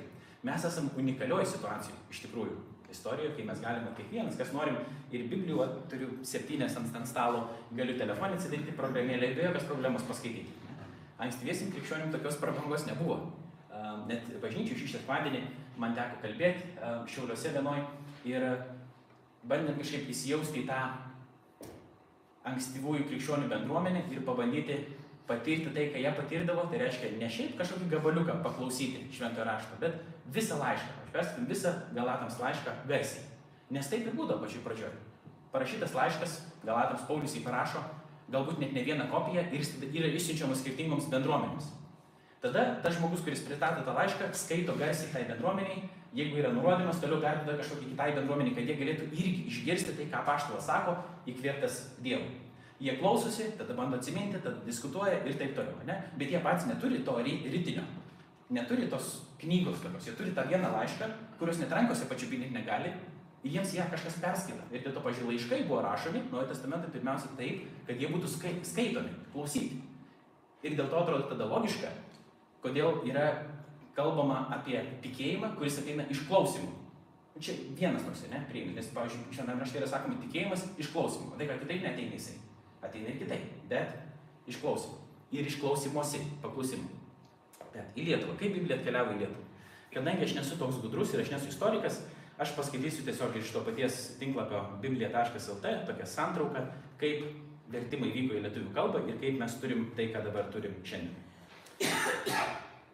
Nuo pirmųjų sukrikščioninimo bandymų, bandymų, ypač nuo 14 amžiaus organizuotai vykdyto krikšto į kultūrinį ir kalbinį tautos aruodą įsiliejo krikščioniško tikėjimo savokus. Drauge ir šventojo rašto fragmentų vertiniai. Lietuviškai tariant, jau kai buvo kalbama apie krikščionybę, jau bent kažkas turėjo būti iš švento rašto pasakyta. Nors dar nebuvo iš vertimų, bet bent jau dešimt dievo įsakymų ar evangelijos žinia kažkas turėjo žmonėms pasakyti. Ne? Jau kažkokie vertimai turėjo būti ta kalba, kurią žmonės suprato. Pirmieji spausdinti Biblijos tekstai lietuviškai pasirodė 16 amžiuje. 16 amžiaus vidury, plintant reformacijai. 15 amžiaus 1457 m. išspausdintoje pirmoje lietuviškoje knygoje Martino Mažydo katekizme pateiktos dvi psalmės. Taip pat ir Naujojo testamento ištraukų. Nuo tada tiek protestantai, tiek katalikai išleido daug postilių, tai yra pamokslų Biblijos temomis. Taip pat įvairių šventrašio ištraukų. Kunigos Baltramėjus Vilento, kunigo Baltramėjus Vilento Evangelijų vertimai pasirodė 1579, Biblijos tekstų vertimų yra ir um, 16 amžiaus pabaigoje išleista Merkelio Petkevičiaus katekizme. 1599 metų uh, Mikalaus Daukšos postilyje, Jokūbo Morkūno postilyje, Jėzuito Jono uh, Jaknavičiaus uh, parengtos Evangelijos 17 ir 19 amžiuje susilaukė daugiau kaip 40 leidimų. Pirmasis visas šventai raštai išvadinamas Liuterio Biblijos, tai yra vokiško vertimo į lietuvių kalbą 1579-1590 metais išvertė Karaliaučiaus evangelikų liuteronų kunigas Jonas Bretkūnas. Tai čia yra pirmas vertimas Biblijos buvo protestanto atliktas ir jis buvo atliktas iš vokiečių kalbos. 1701 metais Prūsijoje pasirodė grupės evangelikų raštijos darbininkų parengtas Naujasis testamentas. Daugiausiai prie jo prisidėjo evangelikų reformatų superintendentas Samuelis Bitneris. Um, ir po to parengtas Naujasis testamentas, pateikti lietuviški ir vokiški tekstai. Jungtinėmis evangelikų, liuteronų ir evangelikų reformatų pastangomis 1739 metais karaliaučioje išleista keletą vertėjų išleistas, keletą vertėjų parengtas viso šventojo rašto leidimas žinomas jo globėjo dr. Jono Jokūbo Kvanto vardu. Šis vertimas plačiai pasklido, buvo daug pakartotinai leidžiamas ir tobulinamas. Kvantos vertimą tobulino e, Liudvikas Rieza, Friedrichas Košaitis ir kiti evangelikų raštijos darbininkai. 1816 išleistas Žemaičių vyskupo Jozapo Arnulfo Gedraičio išverstas Naujasis testamentas, psalmyną išvertė vyskupas Motėjus Valančius, vyskupas Antanas Baranauskas taip pat bandė versti šventraštį. Visą šventąjį raštą išvertė arkivyskupas Juozapas Kvirackas. Šis vertimas 1911-37 išleistas šešiais tomais. Tai uh, katalikų pirmasis šventojo rašto vertimas pasirodė tik 20 amžiuje. Kodėl? Uh, tai yra istorinės tokios nu, paaiškinimas, nes protestantai reformacijos metu vienas iš tikslų buvo reformacijos, tai yra padaryti taip, kad šventasis raštas būtų žmonėms prieinamas jų kalba. Ir dėl to jie pirmieji pradėjo jį versti. Ir pirmieji visi vertimai buvo atlikti protestantų, taip pat buvo dalis, kaip girdėjote, ir skirtingų katalikų daromos ir po to galiausiai išrinktas, išverstas visas šventasis raštas 20 amžiaus jau pradžioje. Po to 1955-56 um, išleistas um, pataisytas leidimas Senojo testamento, 72 Česlovo Kavaliausko parengtas Naujojo testamento vertimas. Ir čia Pavyzdžiui, šitom Biblijai yra būtent Kavaliausko vertimas. Tai uh, dabar yra ir naujų vertimų, naujesnių.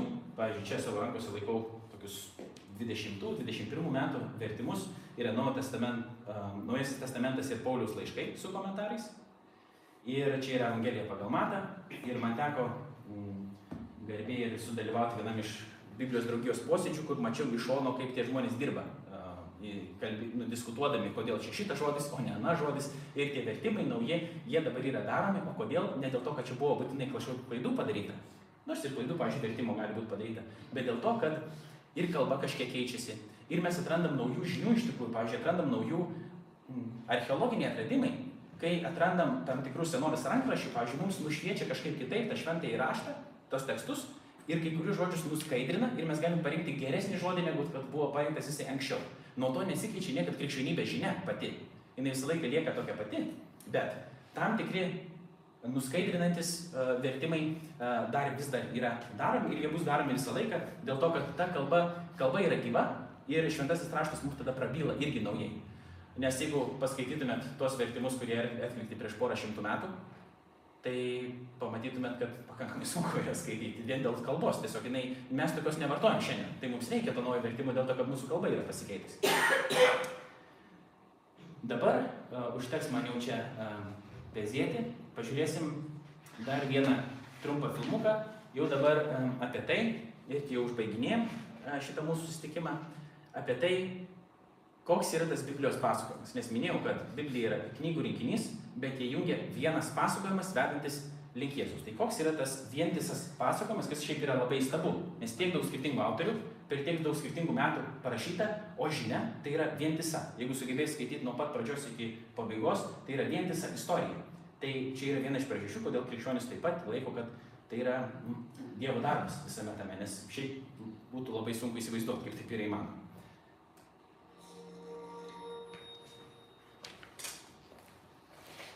Biblija reikšminga knyga labai stora.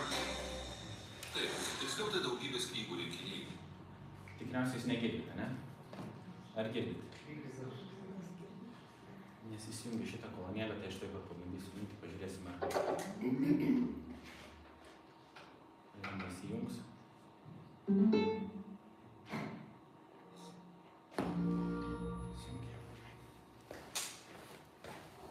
Biblija reikšminga knyga ir labai stora. Taip, tiksliau tai daugybės knygų rinkinys. Jūs parašytus per ilgą laiką, tačiau visos kartu perteikė vieną darnų pasakojimą.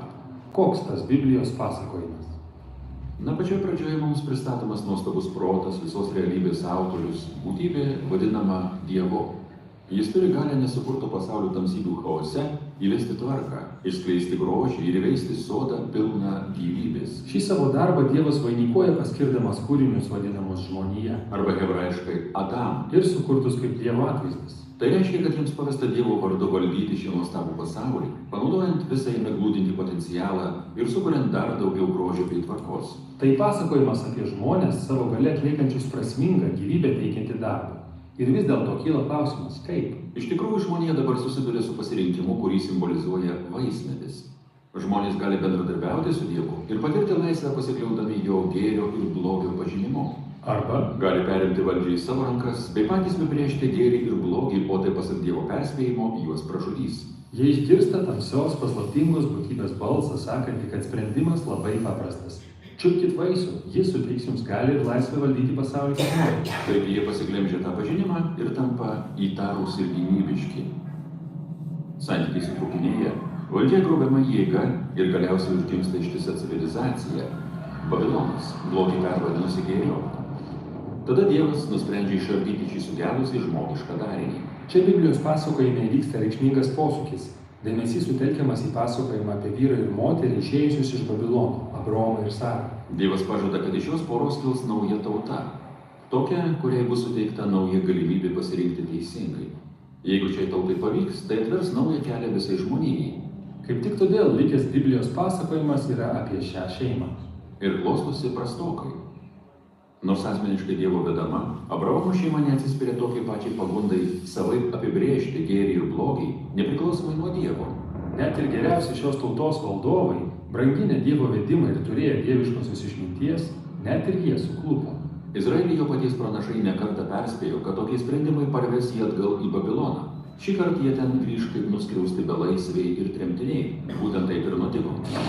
Net ir asmeniškai Dievo vedamas Izraelis atvedė. Kamgi galėtų pavykti?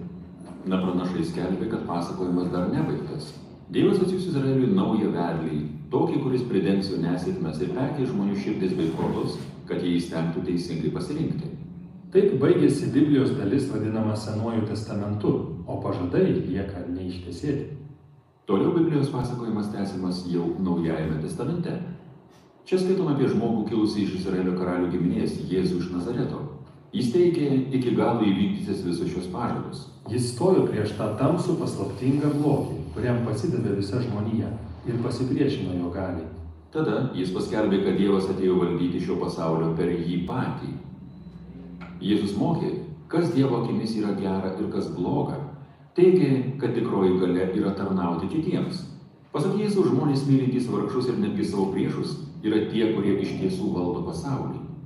Tai glumina, bet ir labai gražu. Kaip ir to pasakojimo žodžiai teigiantys, kad Jėzus yra Dievas tapęs žmogumi, jog dėl Izraelio ir visos žmonijos būtų tuo, ko mes patys niekada neįstengtume būti. Jis atėjo prisimti mūsų blogio pasiekmių. Pasiaukojama jo meilė pasirodė esanti kur kas galingesnė už blogį ir netgi už pačią mirtį, Ir štai prie žmonijos akis naujas pasirinkimas. Kurį simbolizuoja naujas medis. Toliau laikyti senojo kelio būti žmogumi arba rinktis šį naują. Šiame pasakojime pasirenkantis Jėzaus kelią patiria paties Dievo galios antplūdį. Žmonės suvokiantys, kad yra Dievo mylimi, kad Jis jiems atleido, gali tapti tokiais žmonėmis, kurie įstengia mylėti ir atleisti kitiems. Jėzaus judėjimas greitai išplito po visą pasaulį, steigdamas naujas žmonių sekančių Jėzaus keliu bendruomenės. Tačiau jis susiduria su problemomis. Iš išorės prasideda persekiojimas, paskatintas valdžią turinčių žmonių, o viduje sumaištis ir net nuosmukis. Taip, nes sekti Jėzumi labai sunku. Todėl judėjimo vadovai vadinami apaštalais rašė laiškus, kad pagostų ir paragintų tas bendruomenės likti ištikimas sunkiam Jėzaus keliui. Jos taip pat buvo drąsinamos su viltimi laukti dienos, kai Jėzus vėl ateis ir viską pakeis. Pačioje Biblijos pabaigoje kalbama apie dieną ateityje, kai bus ištaisytos visos neteisybės, blogis bus išdildytas, dangus ir žemė suvienyti, o žmonija kartu valdys pasaulį Dievo meilę ir gale. Štai koks tas Biblijos pasakojimas. Jis jungia visas jos knygas. Įdomu, kad kiekvienoje knygoje esama ir vis kitokių literatūrinių žanrų. Kiekvienas iš jų savitai prisideda prie pasakojimo. Būtent tai pradėsime nagrinėti kitame filmuke.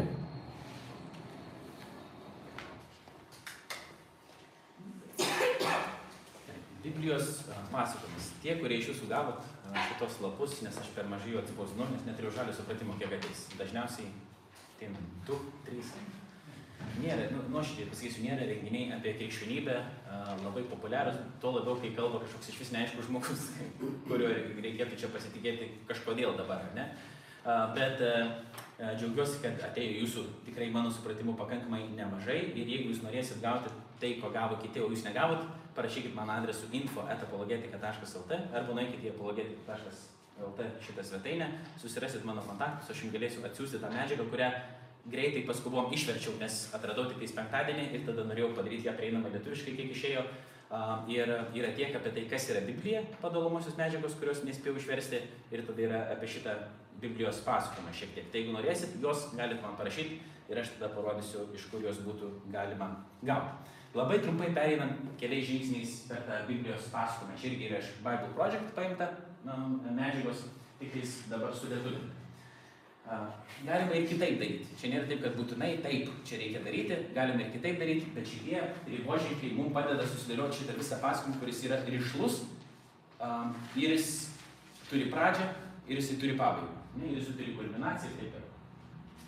Pradžios pirmam antram skyriui yra kalbama apie tai, kaip Dievas sukuria visą ką, kad uh, yra chaosas ir Dievas iš tos nebūties įveda būti, sutvarko chaosą, jisai apgyvendina a, šitą pasaulį ir duoda žmonėms sukurtiem pagal jo atvaizdą.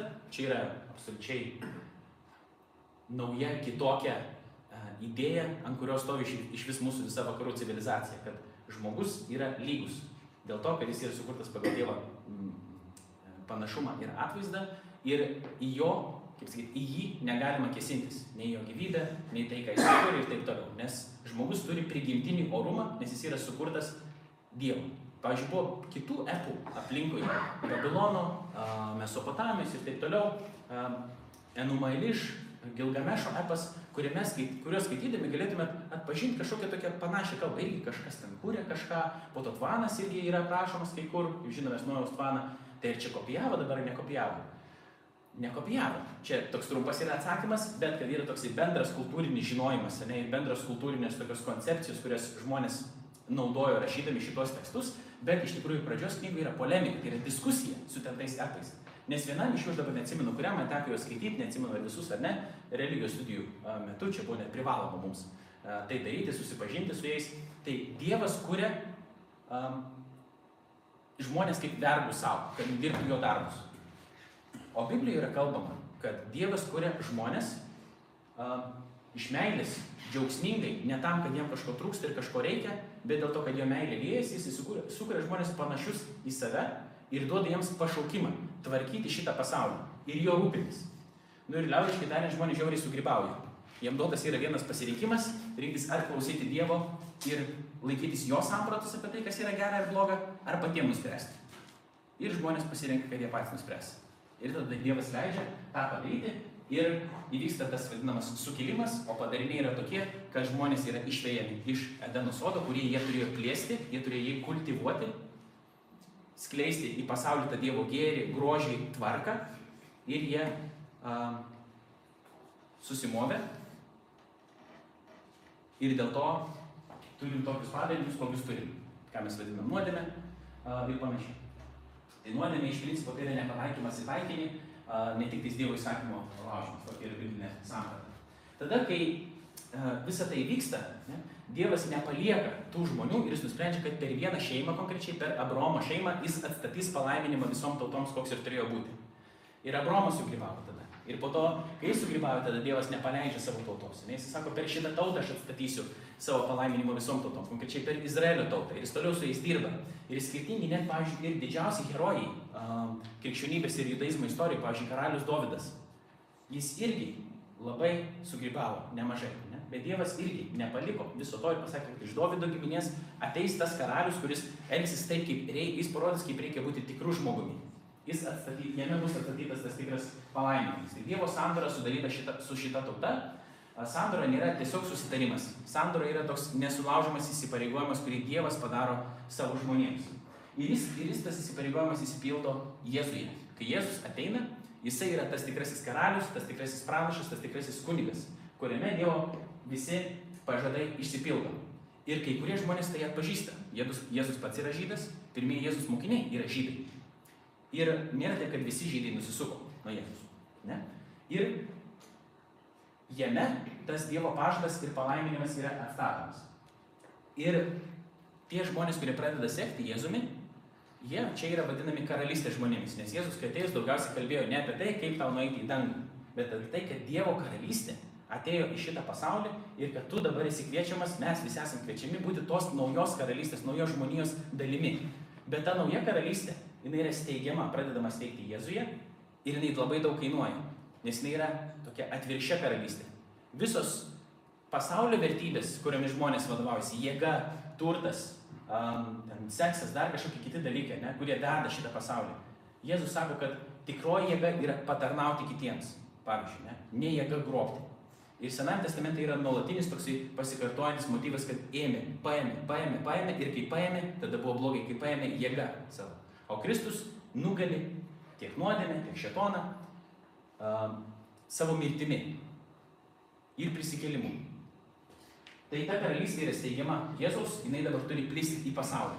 Tai va, ta karalystė jau prasideda nuo Jėzaus mirties ir nuo jo prisikėlimo. Ir tiems mokiniams, kurie pasirenka juo sekti, tapti Jėzus mokiniais, reiškia iš jo mokytis, gyventi kaip jis gyveno, mąstyti kaip jis mąstė, elgtis taip kaip jisai elgėsi, jie dabar turi nešti tą Jėzų žinę tiek žodžiais, tiek darbais į visą šitą pasaulį, laukdami, kol jis galiausiai sugrįš.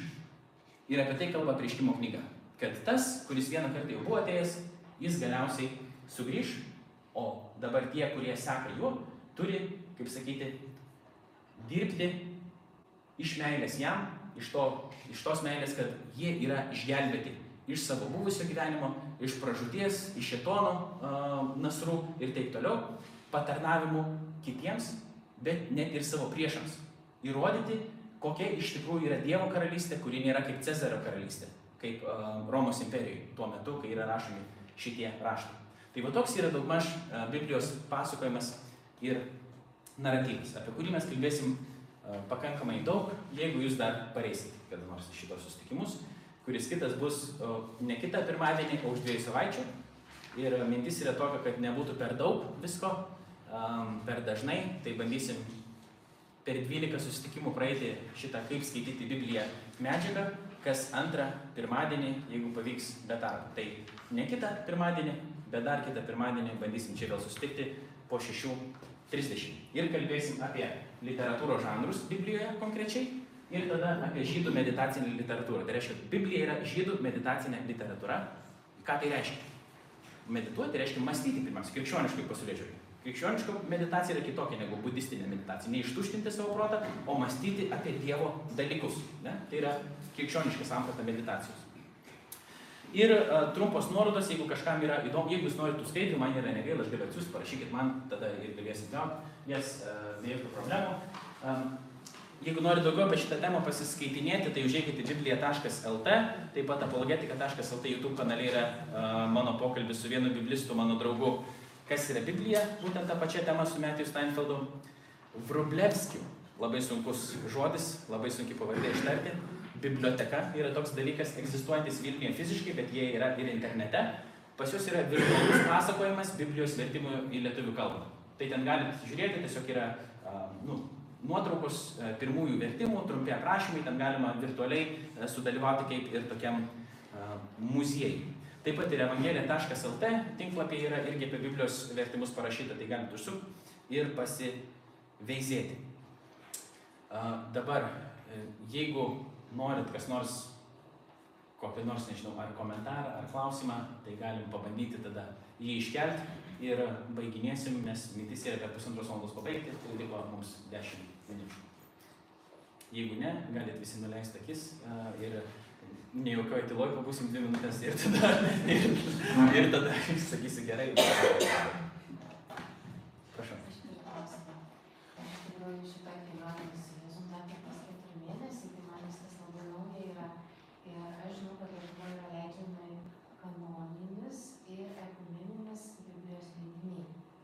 Tai Kuo jie skiriasi ir kuriais? Oi, e, sunkus klausimas. E, Nesunkus pasakyti, kuo jie skiriasi. E, Tai čia buvo šiek tiek aptarta apie tas tradicijas, nes skirtingas sampratas katalikų, ortodoksų ir protestantų. Tai ekumeninis leidimas jisai turi įtraukęs į save visas tas ir an- antrosios šventyklos, kaip sakyti, raštų knygas lygiai taip pat. Tai jeigu jūs, pavyzdžiui, nu yra netokių viršelių, bet jeigu jūs paimsite ekumeninį leidimą, bus visi tie raštai, kuriuos um, pripažįsta taip pat ir uh, katalikų bažnyčia kaip kanoninius. Ne? Ir jie, bet jie bus atskirti, bus parašyta, čia yra deuterokanoniniai arba antrosios um, arba antrojo kanono raštai. Ir jie bus po Senojo testamento ten įdėti. Ne? Um, jeigu, o tas kitas leidimas, jis tiesiog jų neturi ir viskas. Um, taip yra nuspręsta tokius irgi išleisti ir, ir jų tiesiog uh, ten nėra. Tai geriausia iš vis, jeigu jūs tik ką tik pradėjote skaityti, tai dar net nepergyvent, nes kol jūs nueisit iki ten tų antrojo kanono rašto, jeigu pradėsiu nuo pradžios knygos, tai sustiksim kitais metais ir tada pasakysit, ar jau priskaitėt, iki ten ar nepriskaitėt. Tai geriausia, ką reikėtų daryti, pirmiausia, aš manau, reikėtų pradėti nuo um, Naujo testamento, tai Senojo testamento jokių būdų neapleisti, neapleisti, bet pradėti geriausia nuo evangelijų, kokius nors evangelijos pasimti pagal Joną, pagal Matą, pagal Luką ar pagal yra skirti, skirtingai parašytos apie tos pačius dalykus. Ne? Pasirinkti kokią norit, visos jos yra geras, visos jos yra labai geras. Ne? Pasimti kažkokį, kažkokį įrę skaityti. Tada pasižiūrėti apaštalų darbus, galima tada skaityti, pavyzdžiui, galima skaityti Luko Evangeliją ir apaštalų darbus iš karto. Ir jau va čia pradėti kramtyti tą literatūrą. Po to pažiūrėti laiškus, kas tenais yra parašyta. O į Senąjį testamentą, nuo ko Jėzus pradėjo viską? Pirmiausia, pradžios knygą žiūrėti. Tenais yra visas pamatas bibliniai pasaulyje žiūrėjai paklotas, kur yra toliau. Ne? Tai galima žiūrėti nuo pradžios knygos. Bet pirmiausia, geriausia Evangelijos apie Jėzus gyvenimą, nes link Jėzus viskas eina, o Evangelijose atviriausiai viskas yra apie tai parašyta. Ne? Bet jeigu norite, tikrai pradžios knygą galima skaityti, bet jeigu jūs pradėsite taip kaip aš, paskaitysit pusantro lapo, gali būti ir po to padėsit kuriam laikui, nes bus nu, daug visokių klausimų, kaip čia, kas toks kosminių lygių viskas vyksta, ne? Tai geriausia pirmiausia į Jėzų koncentruotis. O jau po to tos vat, kanoninius, nekanoninius klausimus dėl tų raštų išsispręsit vėliau, bet jie yra visą laiką buvo skaitomi ir jūs skaityti tikrai nepakenkia. Nu, ir aš juos skaitau, tai viskas yra gerai, juos skaityti galima. Ne? Čia klausimas tik yra, a, kaip jau kai iškyla kažkokia teologinė dilema, dėl, nu, vat, kažkokia, kaip, kaip tiksliai mums reikėtų galvoti apie tam tikrą klausimą. Ir tada ir, vienos tose antros šventyklos raštuose yra, pavyzdžiui, kažkokias tas teologinis klausimas apsprendžiamas vienaip, o kiti sako yra truputį kitaip ir tada priklauso nuo to, ar jau jie yra laikomi autoritetingais kaip kad Dievas įkvėpė, ar tiesiog geri raštai be žmonių parašyti. Bet iki kol jūs iki tų klausimų prieisit, tai dar, dar neperėmėkit. Dar, dar, dar, kaip sakyti, galima pradėti nuo tų dalykų, kur aš, e, kur aš pasakiau. Bet jie nėra blogi, bet sakau, ne nuo jų reikia pradėti skaityti, tiesiog šventai raštą. Bet labai geras klausimas. Taip. ką girdėjau, kad jis politikoje paliko katalikų bendruomenę ir nuėjo protestantų. E, Aš esu evangelikas, taip. e, Ir ne visai taip, kad aš palikau katalikų bendruomenę ir nuėjau protestantizmą, tai nebūtų tiesa. Aš tiesiog įtikėjau ir aš pradėjau eiti į... Aš ėjau um, į katalikų bažnyčią, kai aš buvau uh, vaikas, bet aš neaugau tikinčių šeimoje. Ir dėl to pas mane tikėjimo jokio nebuvo, kaip sakyti, tokio gyvo tikėjimo, tikro tikėjimo. Ir tada, kai aš jau skaitydavau, pirmiausia, šiaip daugiausiai per šventąją rašto skaitimą ir per diskusiją su įvairiais žmonėmis, um, aš um, kai jau tas mano tikėjimas, sėkimas Jėzumi prasidėjo mano gyvenime, aš ėjau ir į katalikų bendruomenę, ir aš ėjau į um, evangelinę bendruomenę Vilniuje, konkrečiai Vilnius Laisvųjų krikščionių bažnyčią. Ir aš tada net nekėliau jokių teologinių klausimų, prasme, aš ne- nelabai supratau, kuo skiriasi e, katalikai nuo evangelikų, aš tiesiog save atradau bendruomenėje, žmonių bendruomenėje, kurie ir aš buvau priimtas, ir kurie šventas raštas, šventas raštas buvo aiškinamas, a, ir kur vyko šlovinimas ir taip toliau, ir toj bendruomeniai atradau, kaip sakyti. Tai nebuvo taip, kad aš griežtai kažkur buvau ir kažkur išėjau, nes aš iš viso buvau netikinčioj šeimoje. Ir po to tik tais po kelių metų, prieš galbūt trejata kokių metų, aš pradėjau daugiau kelti tos tarp konfesinius klausimus. Ir tai yra nesunku pažiūrėti, kaip aš tos klausimus keliu, nes apologetika.lt svetainiai visi jie yra keliami. Aš turiu labai daug draugų katalikų, su kuriais mes apie tos klausimus diskutuojam. Aš Marijos radijui vedu laidą, tiksliau pradėsiu dabar vesti laidą, tai nemato jie jokios problemos, kad aš tai irgi daryčiau, vedu ir evangeliniam radijui laidą ir daug tų tarp konfesinių diskusijų mes turime kartu ir net šiandien, pavyzdžiui, prieš atvažiuojant čia, aš kalbėjausi su Bernardino religijos temų redaktoriumi, savo bičiuliu Simonu Benžimi, kuris yra katalikas. Ir mes kartu su juo kuriam tinklalaidę pavadinimu Trys davatkos. Nes yra dar trečia davatka. Yra ortodoksas. Tai aš evangelikas, katalikas Simonas Benčius ir ortodoksas Gintaras Sungaila. Mes sėdam prie vieno stalo ir tuos vat, klausimus, kurie yra tarp konfesiniai skirtumai, mes keliam ir kalbamės draugiškai, bandydami suprasti. Ne? Bet turėdami bendrą pagrindą. Nes uh, ir apologetika.lt veikloje, ką aš darau, kai aš ginu krikščionybę, tai aš neginu konkrečią konfesiją. Mano toks yra pasirinkimas. Ne protestantizmą, ne kažkokią konkrečią teologinę ten doktriną, reformatų bažnyčius, ne dar kažką. Uh, aš ginu tai, ką vadina C.S. Liusas, toks mąstytojas, tiesiog krikščionybė. Tiesiog krikščionybė yra tokie baziniai e, teiginiai apie krikščionišką tikėjimą ir įsipareigojimai, kurių privalo laikytis kiekvienas norintis save vadinti krikščionimi. Tai reiškia, kad Dievas yra, kad jis yra vienas. Kad Dievas yra vienas, bet jis yra trejybė. Kad Jėzus Kristus yra tikras žmogus ir tikras Dievas, numiręs ant kryžiaus ir tikrai kūnų prisikėlęs. Kad jisai tikrai grįž ir kad žmogus yra išgelbėjimas malonė per tikėjimą. E, O ne pats nusipelno tą išgelbėjimą, bet kad tai yra Dievo dovana. Tai bent jau čia tokia yra bazė tokių krikščioniškų įsitikinimų, kurie yra bendri visoms konfesijoms. Šituos susirinkimus, kai mes darėm, aš ėjau pasikalbėti, susipažinti su e, ir čia esančiais mergės klebonais. Ir su vienu, e, ir kitu, ir su Šarūnu, ir su Raimondu. Ir mes kalbėjomės, ir aš viską jiems pristačiau. Ir jie netgi pasidalino šitą informaciją su savo žmonėmis. Nes šitą medžiagą, Bible Project, kurią aš su jumis dalinuosi, irgi kadangi aš žinau, kad gali tokie klausimai panašus iškilti, dėl to aš paprašiau savo trijų draugų, bičiulių, galima sakyti, um, reform, evangelikų reformatų dvasininko, ortodoksų kunigo ir Vytauto didžiojo universiteto katalikų uh, teologijos fakulteto dekano uh, parašyti užtarimą Biblijos projektui. Nes tai yra tarp konfesinis dalykas. Visi, kaip sakyt, jie jį vertina ir jeigu žiūrėsite apologetika.lt Facebook'o paskyrą, ten visus esu aš sukėlęs, ką jie pasakė. Tai Gintaras Sungal ortodoksas, ortodoksas.lt e, kūrėjas, tiek Holgeris Len, kuris yra evangelikų reformatų dvasininkas, tiek Benas Ulevičius iš katalikų teologijos fakulteto e, docentas, daktaras, jie visi Bible Project palaiko. Tai jeigu yra įdomu mano asmeninė istorija, e, YouTube kanale apologetika.lt galima rasti be jokių problemų ir tos klausimus mes atvirai, kaip sakyt, a, diskutuojam, bet toks jau aš esu žmogus, kad tenka man tarp konfesiškai dalyvauti labai daug kur ir pavyzdžiui tai, ką jūs girdėjote čia įgarsintus balsus, tai įgarsinimai buvo atlikti dviejų katalikų, mano bičiulio vieno Rimo ir Macevičiaus ir tada Viliaus Kaminsko, kur aš gyvai nesusitikęs, bet jis irgi yra katalikas, daug dalykų įgarsina. O Biblijos projektas buvo į Lietuvą atgabentas mano kito draugo, katalikų kunigo Sigito Jurkšto, kuris tarnauja Kaune. Um, tai, bet prie jo, pavyzdžiui, prie kitų įgarsinimų yra ir evangelikų prisidėję ir taip toliau. Tai jo, kaip sakyt, yra, e, tai ši, šitie susitikimai su tarp konfesiniais tokiais skirtumais, kaip sakyt, jie nelabai ką daug bendro bendro turi, bet mes tas tarp konfesinių skirtumus ir panašumus YouTube kana, kanale aptarinėjom nuolat draugiškoje aplinkoje. Taip. Aš pati dar kitas nesu perskaičiusi, bet kiek esu skaičiusi, tai apie tai, kad naujai yra šventai, reikia vertinti tokio dalyko Biblijoje nėra. Kaip istoriškai atsirado, kad katalikų bažnyčia tą kalbėjo Biblijai? A, Matot, gerai. Tada pabandysiu truputį dar kontekstą įvesti.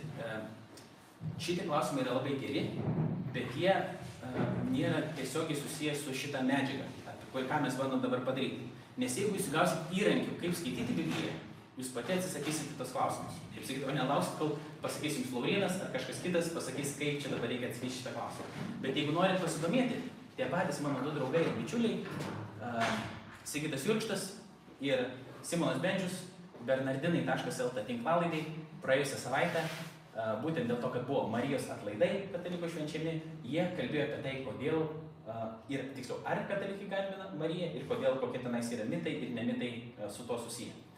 Jeigu dar yra įdomu, apologetika.lt YouTube kanale, aš su to pačiu Sigitu, mes kalbėjomės irgi apie Mariją, sampratas, mūsų nesutarimus ir sutarimus apie tos pačius klausimus. Tai jeigu norite, ten, ten galim pasidomėti ir atrasti. Jo, ten tikrai daug yra, užėjkite į YouTube kanalą, ten kokį tik norite temų rasite ir apie protestantus, katalikus, jų skirtumus ir apie konkrečiai tiesiog krikščionybę pačią. Nu, ko norite, to, to visko bus.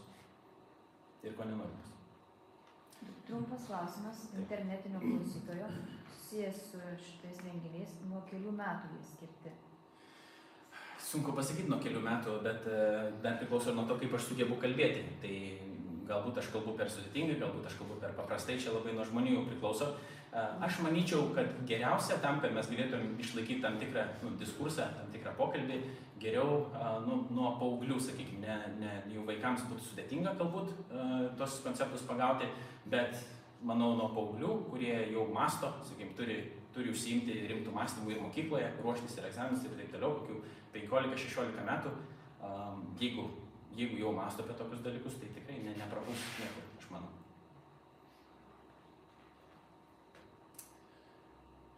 Tyla reiškia norą eiti namo. Ačiū visiems, iki kito, ne kito pirmadienio, o dar kito pirmadienio sudėlio.